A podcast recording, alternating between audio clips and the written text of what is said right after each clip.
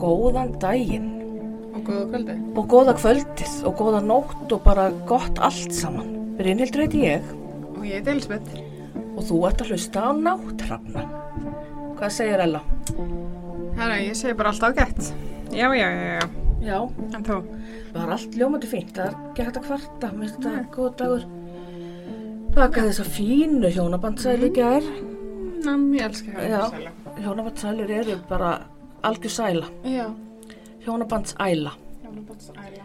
Já, ég hérna er að komast að því að mér finnst gaman að baka. Það er gaman.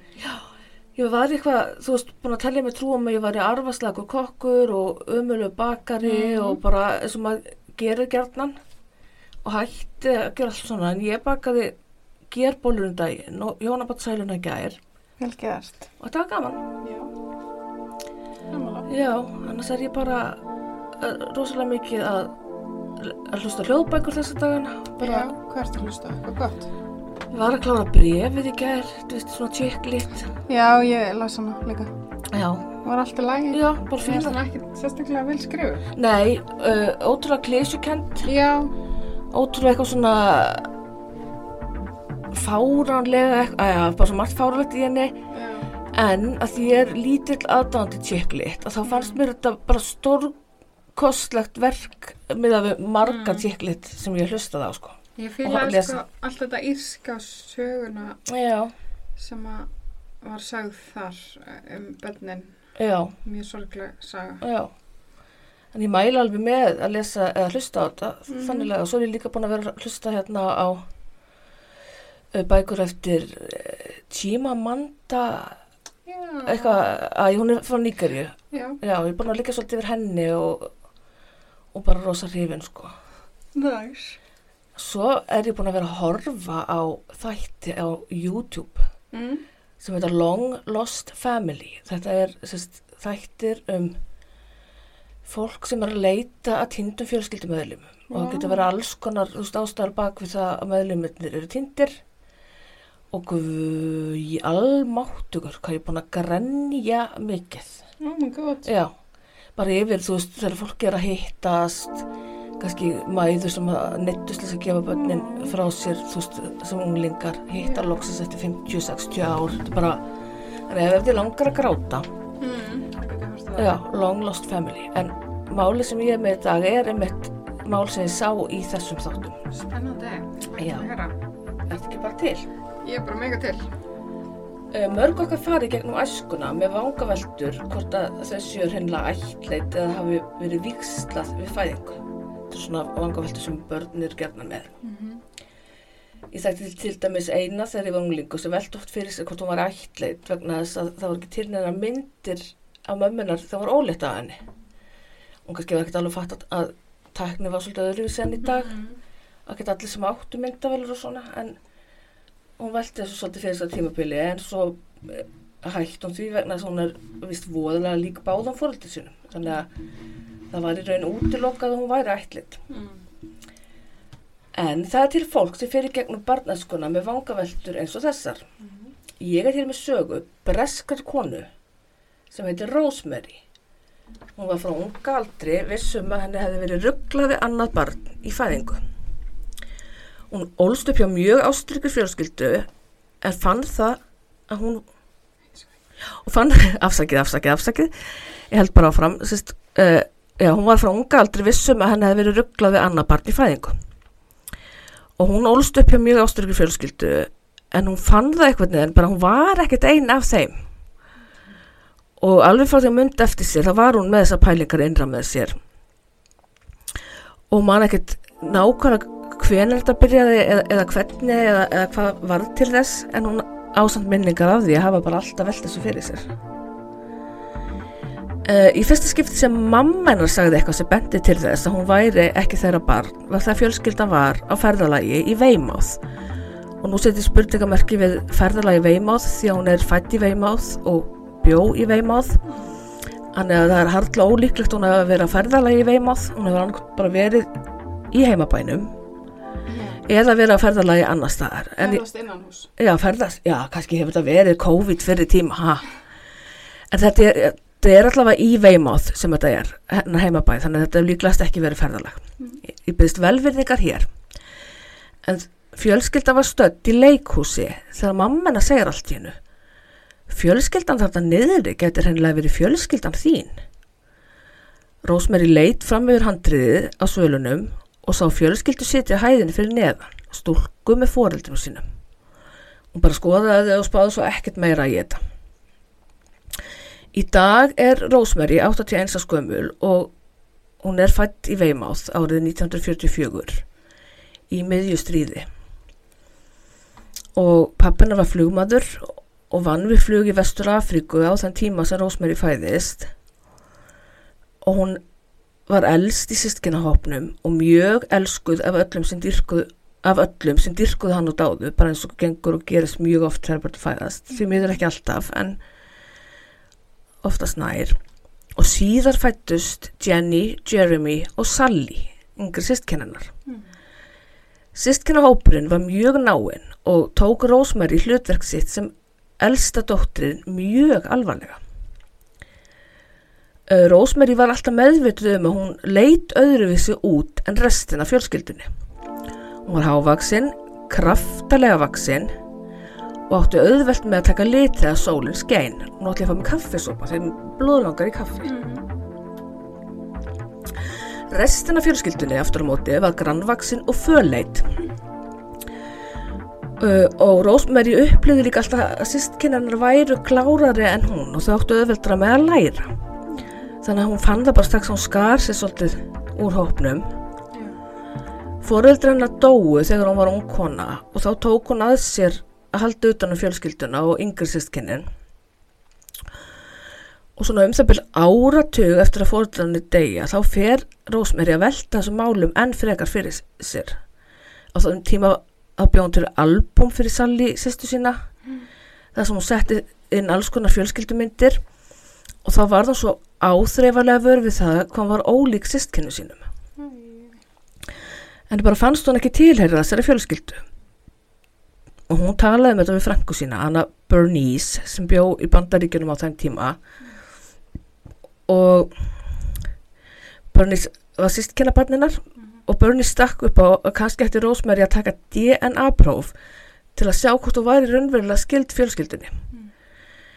uh, og það verður úr því að Rosemary og Bernice taka sagt, DNA próf DNA próf. Mm.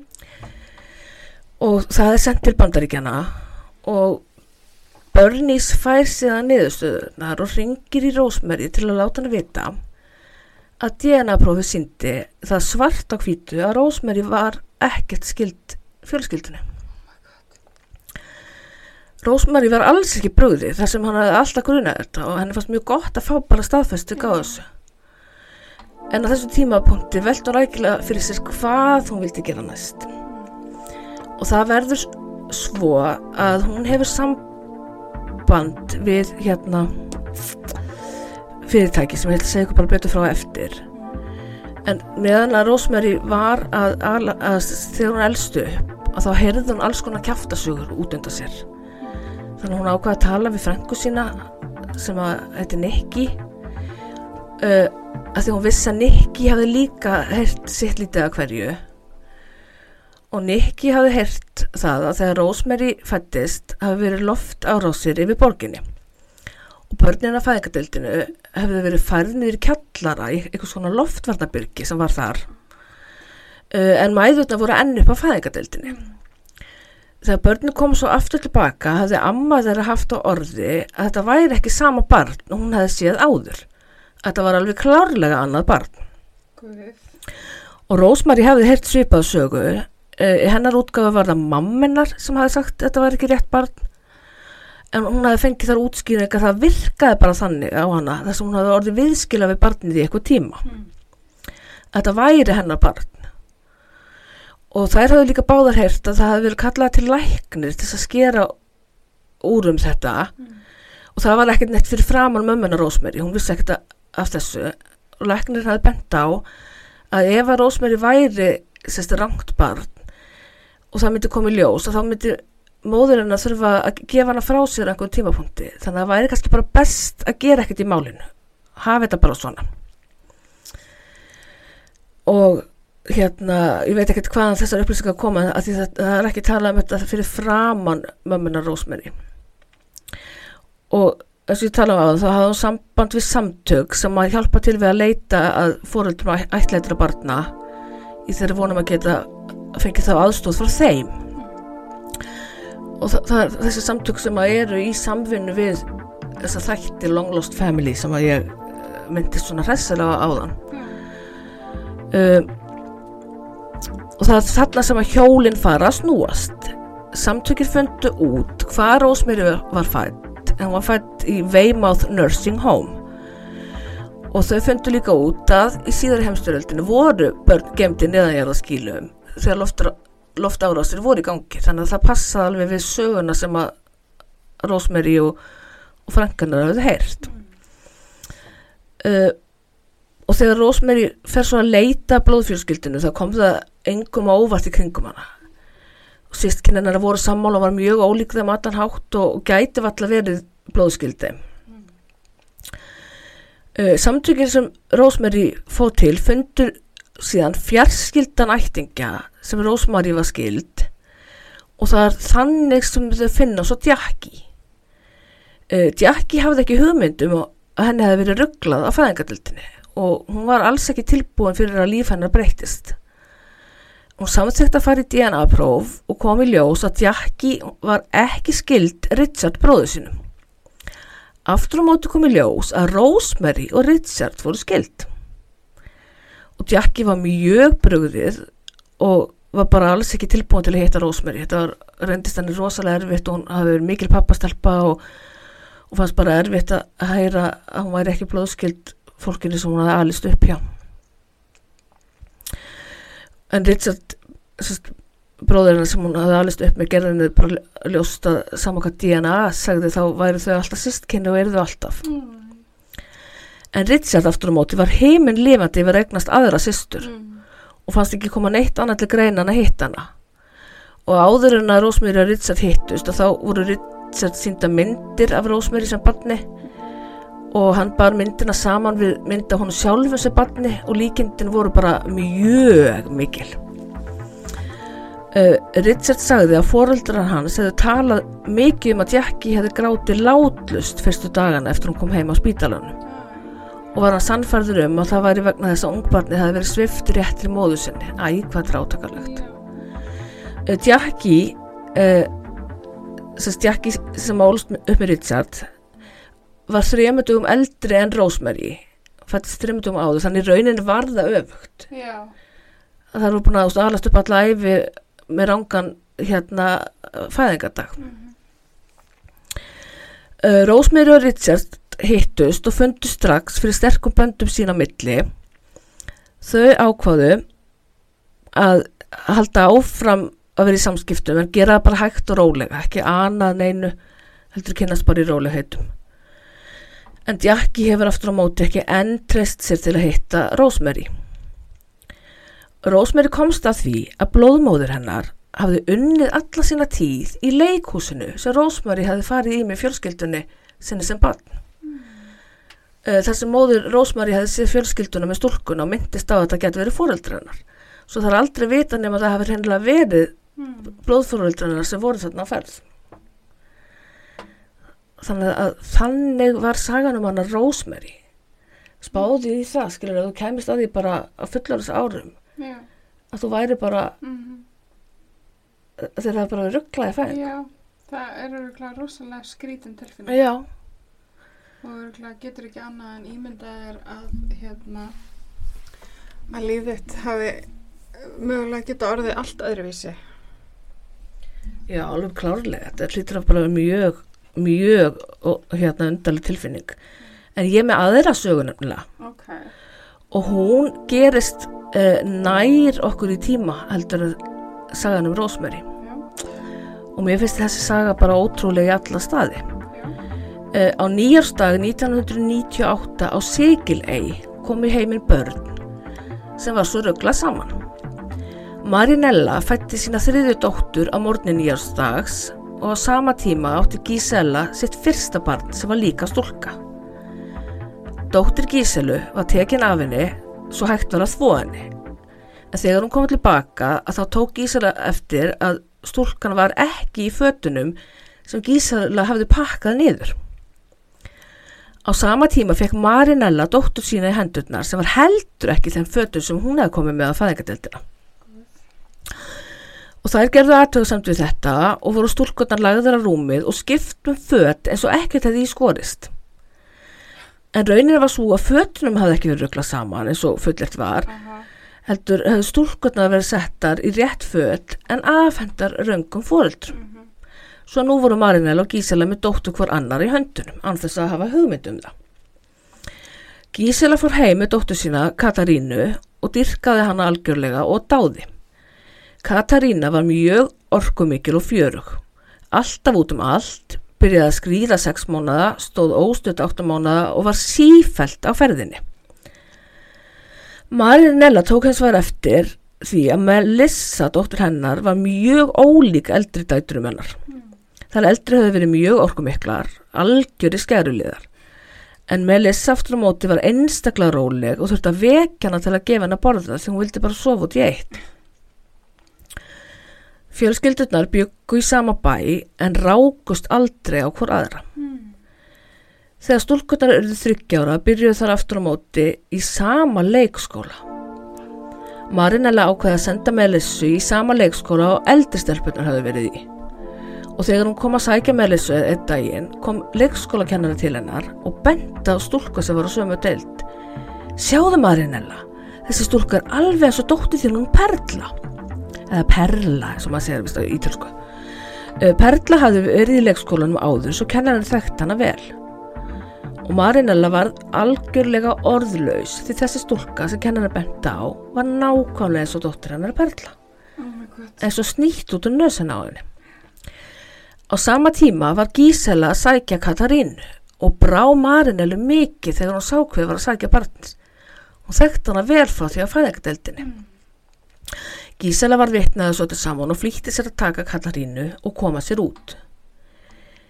Gísela og Marinella gerði sér grein fyrir þarna hvað hafi gerst. Líf þeirra var aldrei samt eftir þetta. Ég trúi því. Marinella fór heim og greti restina deginu. Hún hugsaði með sér að stelpunar myndu kannski einhver tíman komast að sannleikanum þegar það eruðu eldri og ásaka mæður sínar fyrir að hafa vita sannleikan en ekkert sagt. Hún vissi að hún eruði að gera eitthvað í þessu. Og hún Marinella byrjaði að fara með Melissu til læknis sem bar saman blóðira og komst að því að Melissa gati ekki verið barn Marinellu.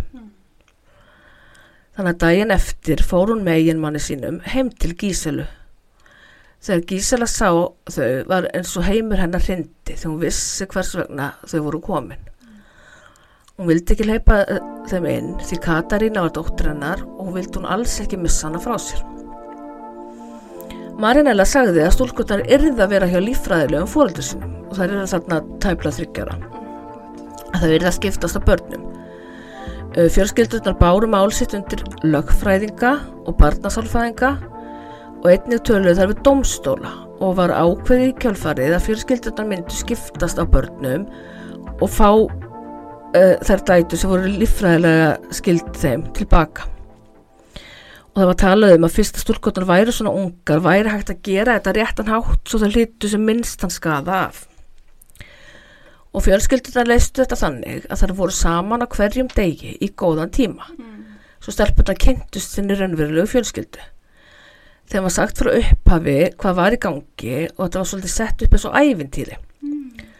Stúlkunum var sagt að storkurinn hefði gert mistök og farið með þar í vittlust hús og til að byrja með var talað um mömmu Gíselu og mömmu Marinelu, bara e- e- eins og það rættu tvær mæður og eins að það rættu tvo pappa hvor.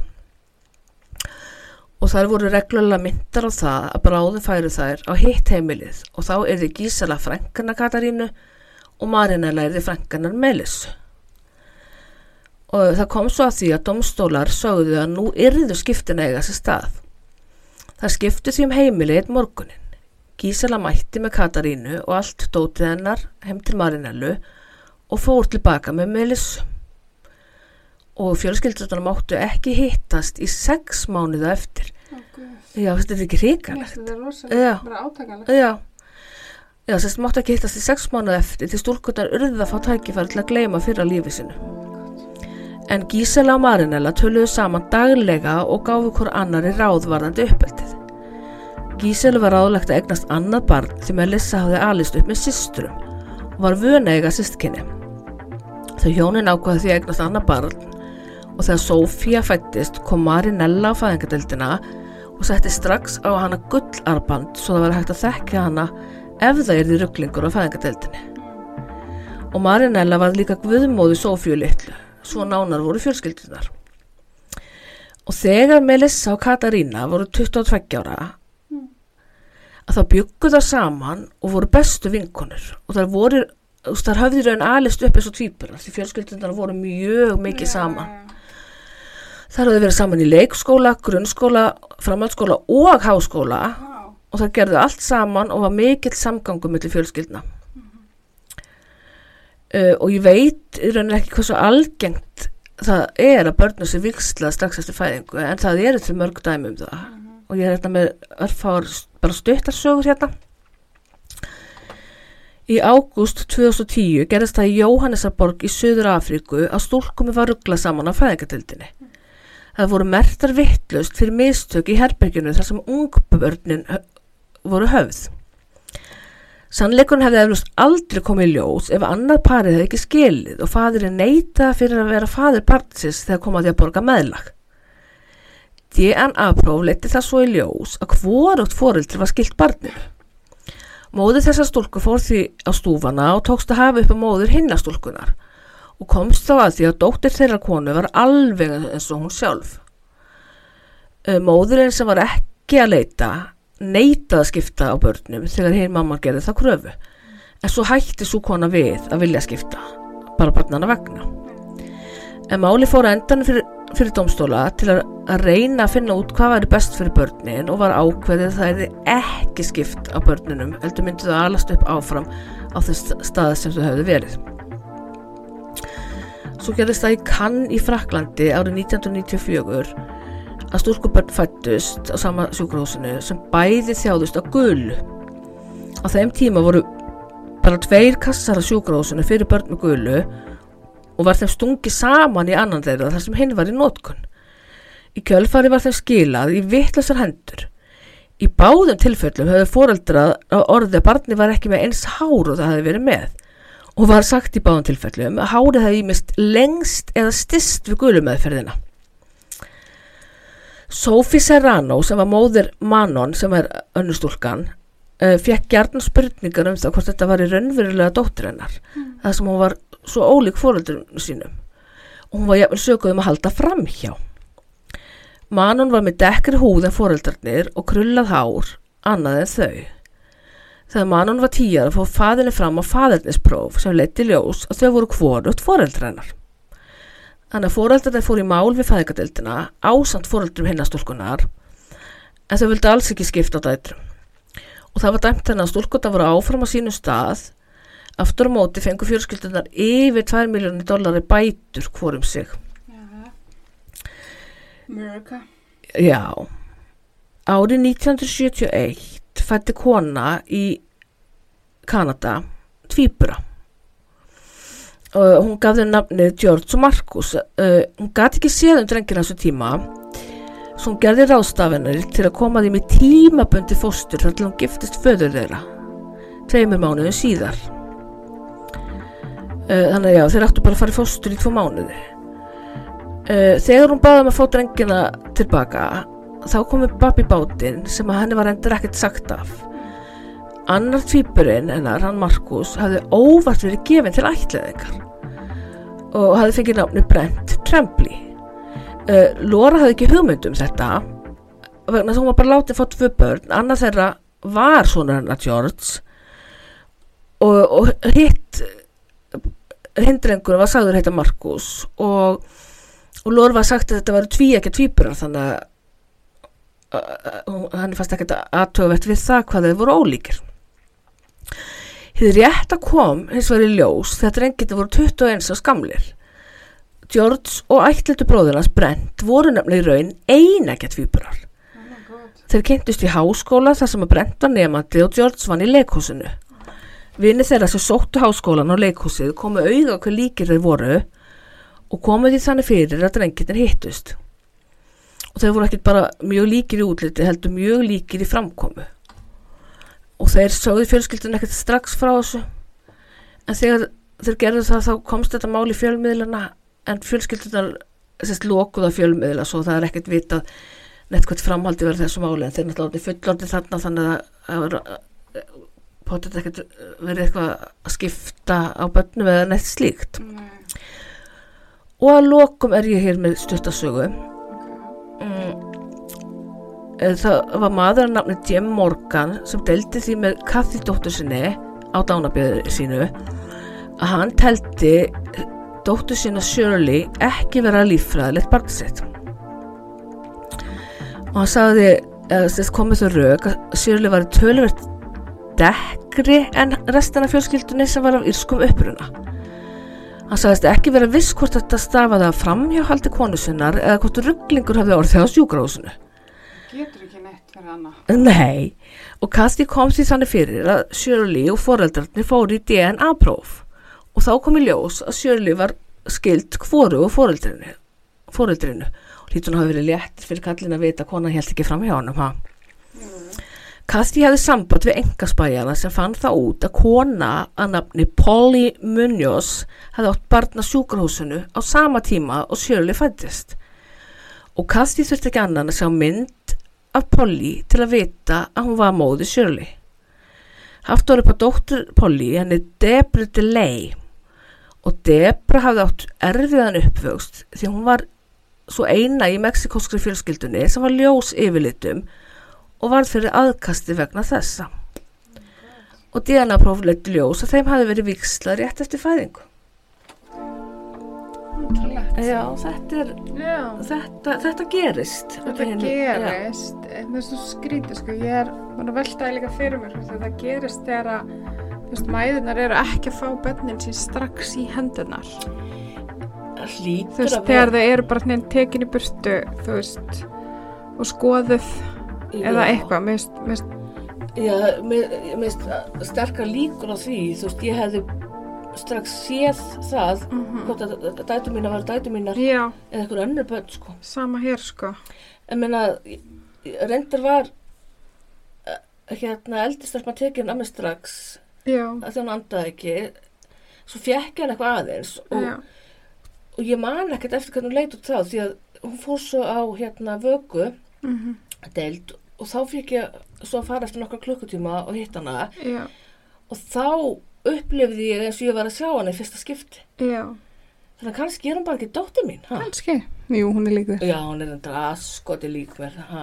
En hérna, ég, sagt, já, ég er náttúrulega á tvö keisarabönn og þá, þú veist, í fyrra skipti þá var það bráðakeisari og þá var bara strax farið með hann að því að, þú veist, Já, það var orðið mjög tæft hjá okkur báðum. já, En, en það var náttúrulega bara eitt barn í skurstofunni, þannig að það var voða lítið eftir ruggla. já, og enda hann er svo snýttur út úr Já. þessum fjölskyldunum Jú, sinna, jú, Já. algjörlega.